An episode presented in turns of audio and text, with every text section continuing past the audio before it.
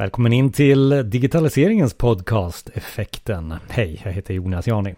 Tillsammans med Micke Nobäck så gör vi den här podden som eh, är nu snart fem år. Där vi har samlat just eh, väldigt många ämnen under ämnet som är ganska brett då, digitalisering. Och jag rekommenderar att du lyssnar tillbaka till eh, de avsnitten som vi har haft här nu senast.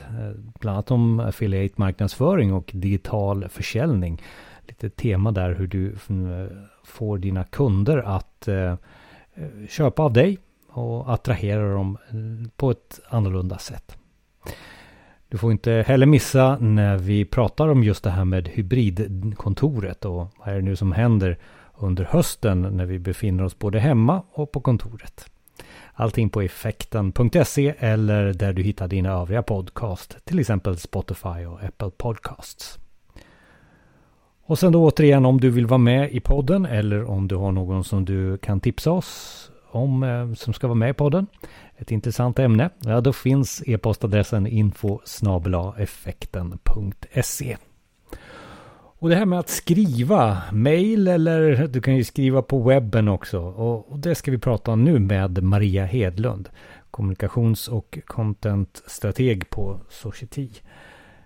Och vi har avsnitt om mer av att publicera på webben. Sök upp där till exempel VCAG-avsnittet här som vi hade för drygt ett år sedan. Det här är för övrigt ett avsnitt inspelat i juni 2021.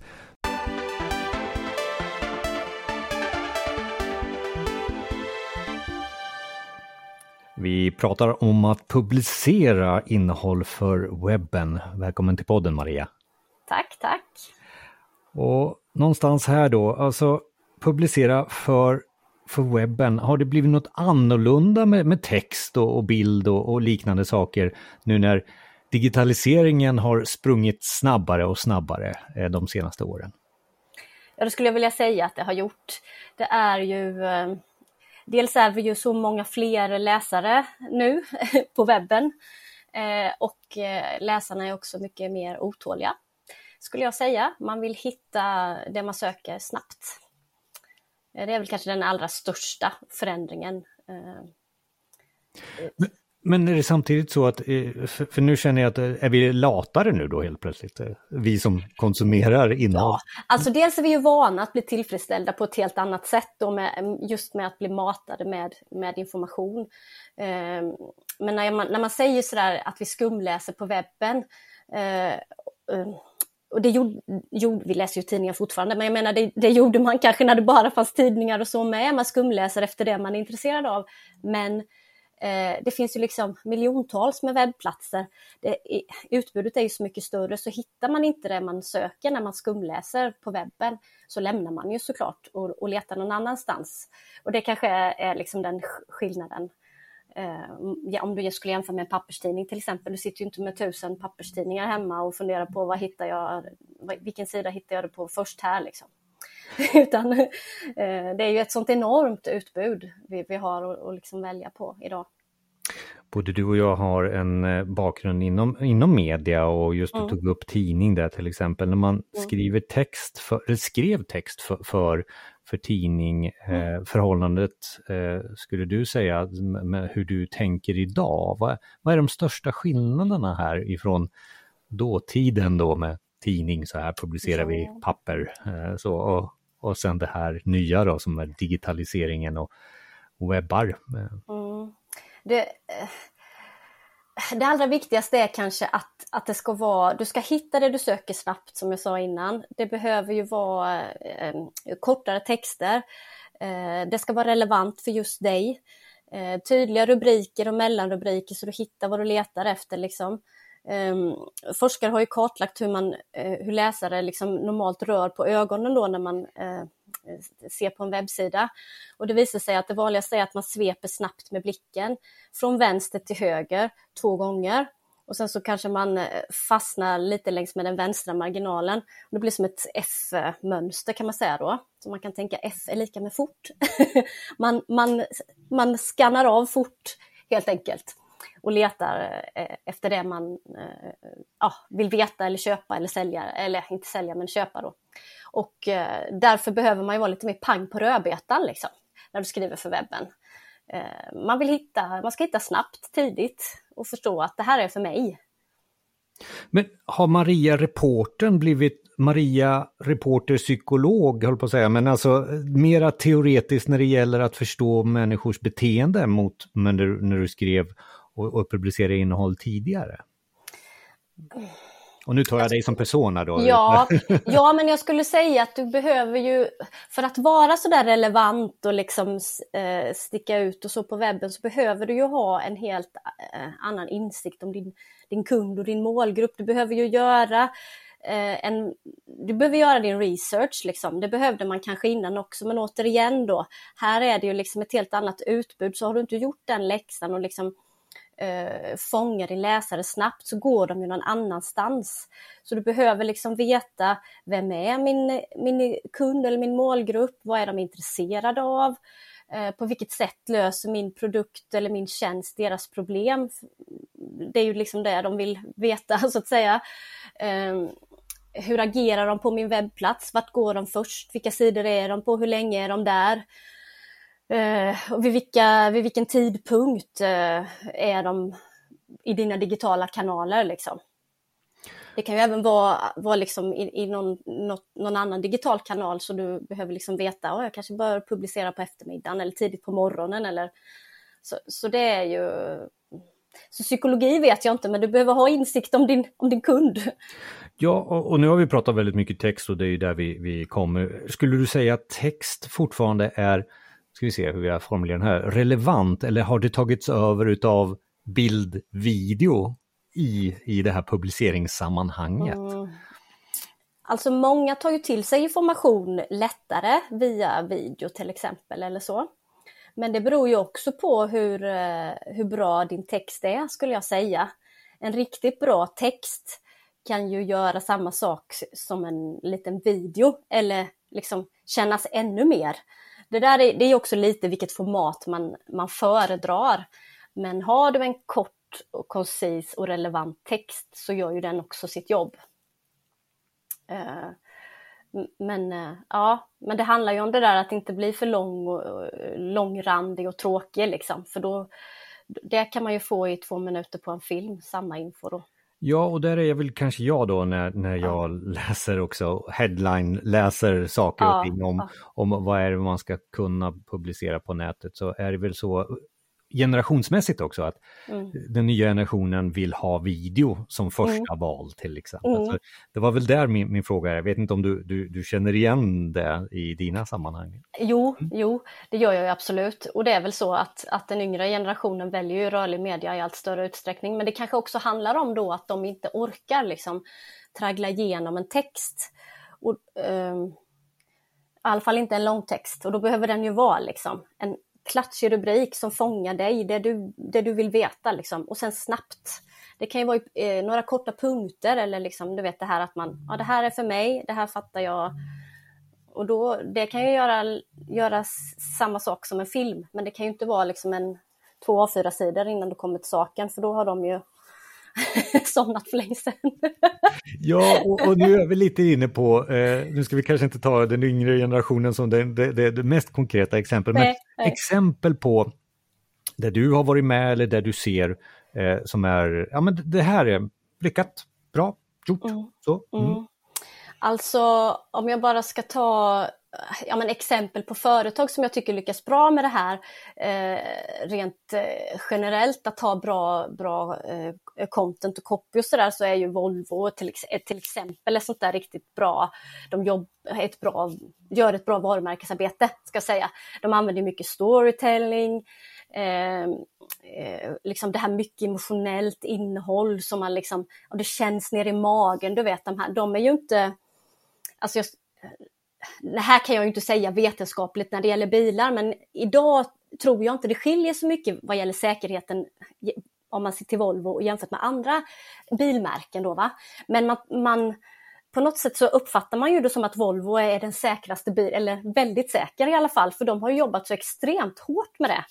Både i reklamfilmer och, och texter, de har liksom eh, Eh, ja, men mycket så personliga, de har på sin webbsida så magasin, Volvo-magasinet och så där de berättar liksom olika stories, folk som har varit med om en olycka och hur, hur liksom den säkra Volvobilen liksom räddade dem och sådär. De är ju skitduktiga på det skulle jag säga. Eh, att slå an den där liksom eh, eh, nerven hos en som man bara liksom fastnar och, och sugs in i det där.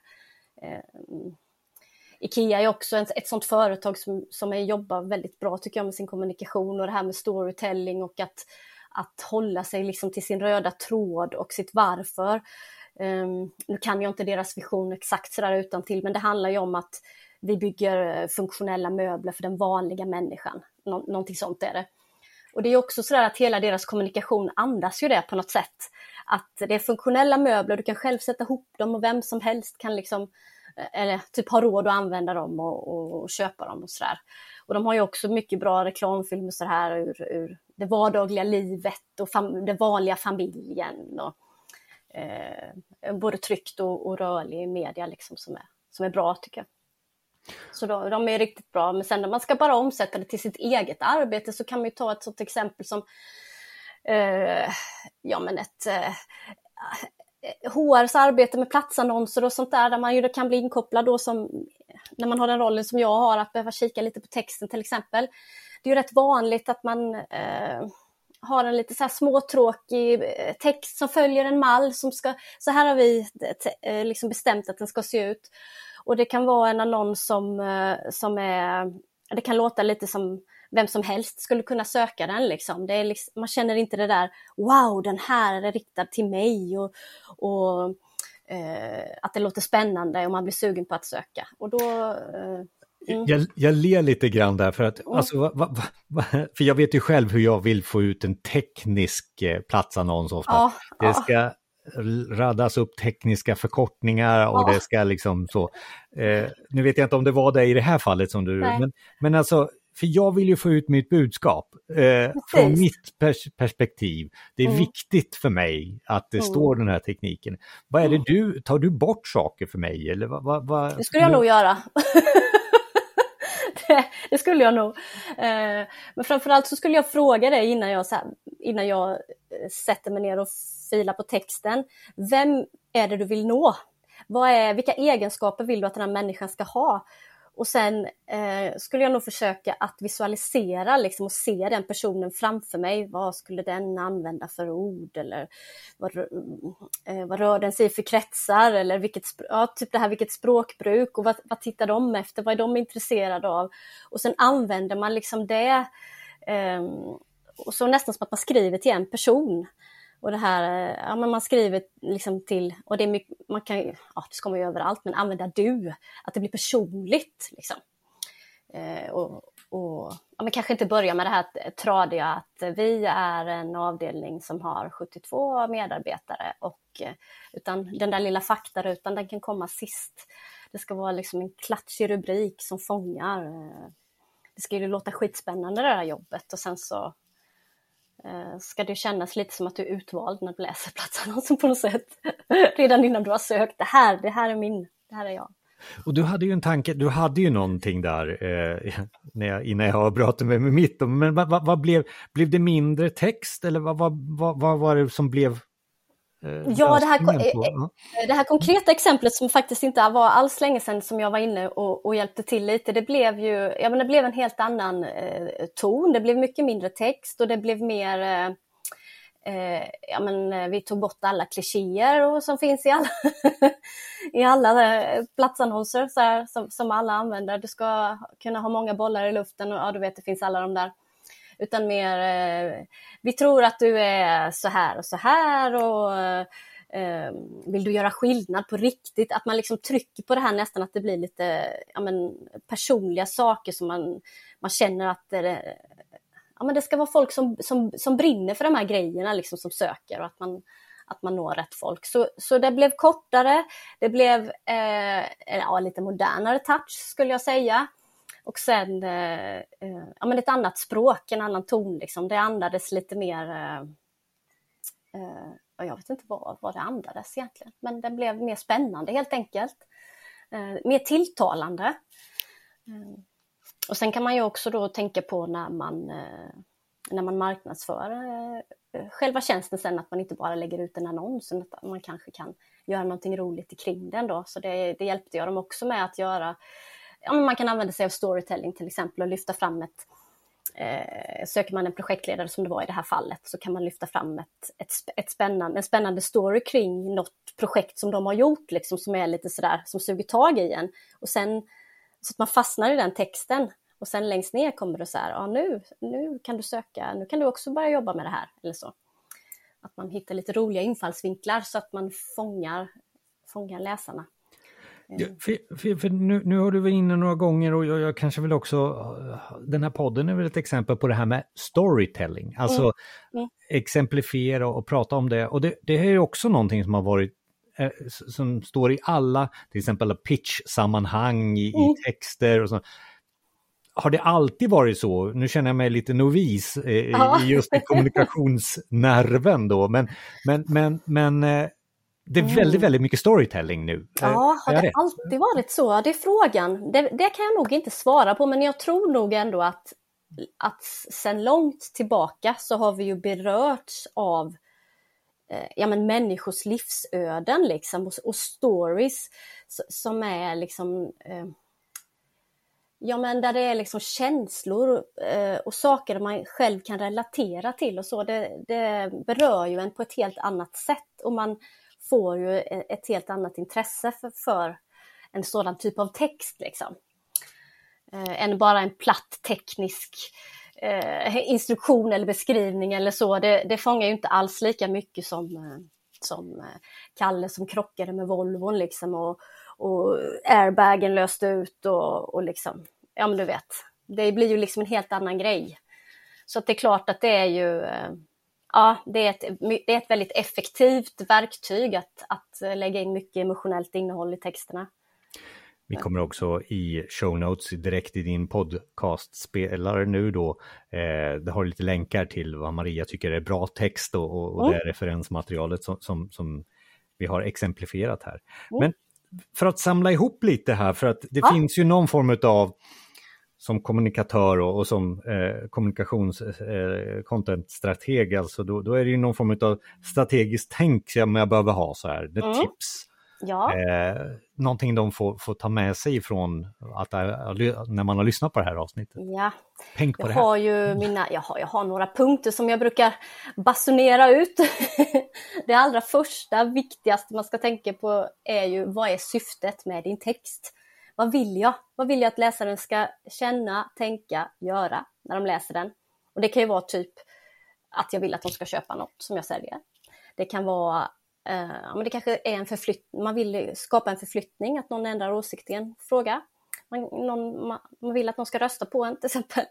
Eh, man kanske vill att någon ska skänka pengar eller bara liksom bli ambassadör för ens varumärke. Sådär och gå ut och sprida ordet att, att man är bra.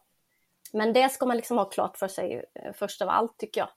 Eh, det ska vara liksom utgångspunkten för, för ditt innehåll eh, innan du börjar skriva. Sen tycker jag också att en viktig sak man ska ta med sig är det vi har pratat om en del, att man ska göra sin research, ta reda på så mycket som möjligt om kunden eller målgruppen. Vem eller vilka är de? Vad är de intresserade av? På vilket sätt löser min produkt eller tjänst deras problem? För det är ju sannolikt så att det är någonting de vill, liksom, bli snyggare eller, eller få slippa få ont i tänderna eller vad det nu kan vara. Sådär va. Eh, så den är ju den är jätteviktig skulle jag säga, eh, att man talar om det ganska snart. Liksom. Du har ett problem och vi kan lösa det på det här sättet. Så kommer ditt liv bli mycket bättre. Eh, man ska ta reda på hur de agerar på webbplatsen. Hur navigerar de? Vilka sidor eh, stannar de på? Vad klickar de på? Vad klickar de inte på? Och och sådär. Och eh, så kan det också vara idé att kolla vilka, vid vilken tidpunkt de finns i, i dina digitala kanaler. För det behöver inte bara vara webbplats, det kan ju vara annat också. Sen ska man kunna förstå också all den där datan som man tittar på och samlar in. Då. Det finns ju olika analysverktyg man kan använda för det där. Men Eh, Eh, så att man också förstår vad man måste genomföra för åtgärder. Man kanske behöver skriva om sin text. Eh, man kanske behöver skriva helt nytt material. Eh, man kanske behöver flytta call to actions, alltså sådana här knappar som uppmanar till köp eller prenumerationer och så längre upp på sidan så att man hittar dem snabbare och så. Man måste helt enkelt liksom kunna läsa av den där informationen man har samlat in och se vad ska jag göra för att få bättre resultat, för att förbättra mitt innehåll. Och sen ha koll på nyckelorden. Vad använder dina besökare för ord när de söker efter dig? Um, eller något i, ditt, i din bransch liksom. Um, ta reda på det, använd de orden i, uh, i ditt innehåll, i din metadata. Så, uh, att liksom, så att de får träff på dig. Det, det viktiga är ju också när man är så här, det är ju men ett sånt enormt utbud som vi har pratat om många gånger, de ska ju hitta dig också.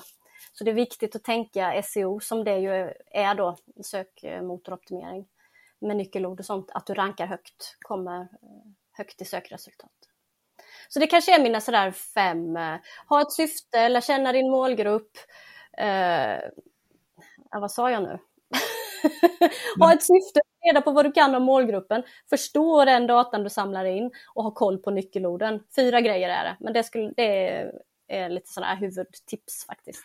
Ja, och, vad jag tar med mig också från listan är det här att du mm, återmatar hela tiden vad du ser i data för att ja. du själv ska mm. liksom kunna justera innehållet. Eh, då mm. text, bild och video antar jag också, men, men ja. text då. Ja. Eh, och det verkar ju som att det, en, det, det tar aldrig slut. Nej, det gör ju inte det. Det där är ju ett, ett evighetsarbete skulle jag nog vilja påstå, även om det låter tråkigt. Men, men det är ju faktiskt ganska spännande och roligt. Men man ska ju kontinuerligt följa upp sitt innehållsarbete, det är jätteviktigt. Eh, titta på den här datan du har samlat in. Vad behöver jag justera? Låt det gå en tid. Sen tittar du igen, justera. Det kommer ändra sig hela tiden liksom. Och vissa grejer kanske inte gör det, men vissa grejer gör det. Man kan också välja ut, nu tittar vi på den här delen av vår webbplats och vill förbättra den. Eh, och följer upp och justerar och sen kanske man tittar på en annan del. Så att, eh. Men, men alltså, för nu, nu sitter jag här då och eh, är det någon skillnad som mig som jobbar med en offentlig eller myndighet och, och det här företaget som är snabbt men jag har inte tid med att hålla på med en hemsida. Är det, alltså... Eh, menar du nu i, i hur man ska tänka text på webben? Ja, för jag vill ju bara få ut någonting och så är det ja. klart. Så, mm. Mm. Alltså jag, det finns ju, det här har jag hittat på själv, men det finns ett begrepp då som jag har myntat som heter myndighetssjukan. som jag, jag har jobbat ganska mycket på myndigheter, på kommunikationsavdelningar. Och eh, det som, det var det som myndighetssjukan innebär enligt mig då är att man tänker liksom eh, inifrån och ut. Det är jättemycket saker vi vill berätta eh, om oss och vår myndighet.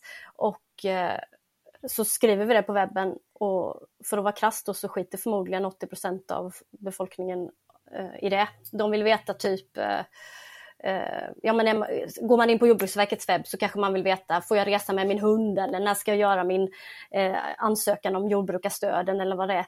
Eh, vi, då vill man inte veta hur organisationen är uppbyggd och vem som sitter i styrelsen eller liksom, du vet sådär. Så det är klart att, att eh, det, det, finns ett ganska stort jobb att göra tycker jag på alla liksom, myndigheter och, och eh, eh organisationer och sådär i att att tänka relevans, vem är min målgrupp, vad ska jag lyfta fram på webben och sådär. Eh, sen har ju de även andra, de, oh, det är ju ett helt annat avsnitt, men, men eh, det finns ju något som heter klarspråk. Och eh, eh, numera så finns det ju även en, en, en, språk, en lag som säger att man, allt som står på till exempel en myndighets webbsida ska vara begripligt för alla man ska kunna ta till sig och förstå den informationen. Så att man har ju också en viktig uppgift där i att, att verkligen eh, skriva tydliga informativa texter. Ja, och nu är vi inne på det här med VCAG och sånt som vi har ja, precis. avsnitt ja, om. Det kan bli ett annat avsnitt. Gärna upp, gärna upp där också. Ja. Eh, vad tar vi med oss av avsnittet Maria som, som, som sista, sista punkt? Mm. Vad tar vi med oss? Eh, ja, men jag brukar ju vi skulle kunna sammanfatta det med att ha alltid ett litet varför i bakhuvudet. Eh, just det här med syfte och relevans, liksom, det tror jag nästan är det absolut viktigaste. Eh, varför skriver jag den här texten och vem är den för? Liksom, vad ska den leda till?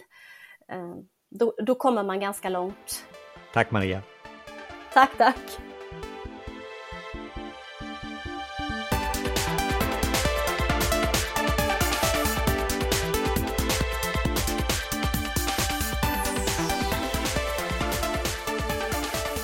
Lyssnat till avsnitt 160 utav Effekten. Alla våra avsnitt finns på effekten.se och sen mer innehåll finns också genom att ta upp din podcastspelare nu och titta där finns det länkar till mer om just det här med kommunikation och just det här med att publicera för webben som vi har pratat om med Maria Hedlund.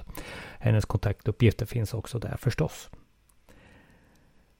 Vi har ju även en livestream, vi kallar den Effekten Radio. Vi samlar de bästa avsnitten och eh, spelar upp dem för dig 24 timmar om dygnet. Vi inspirerar dig och du slipper att välja där eh, bland poddarna utan vi väljer dem åt dig. Det finns där på effekten.se radio. Ett roligt alternativ och vi har ju också ett tema eh, podcast där vi samlar lite längre avsnitt finns också där på effekten.se. Mycket att ta in, det är din valfrihet. Effekten är digitaliseringens podcast gjord av mig, Jonas Jani och Micke Nobäck. Tipsa oss om nästa gäst, ja, det gör du via e-postadressen info effekten.se. Alltså info effekten.se. Ha det nu så bra tills nästa gång. Hej!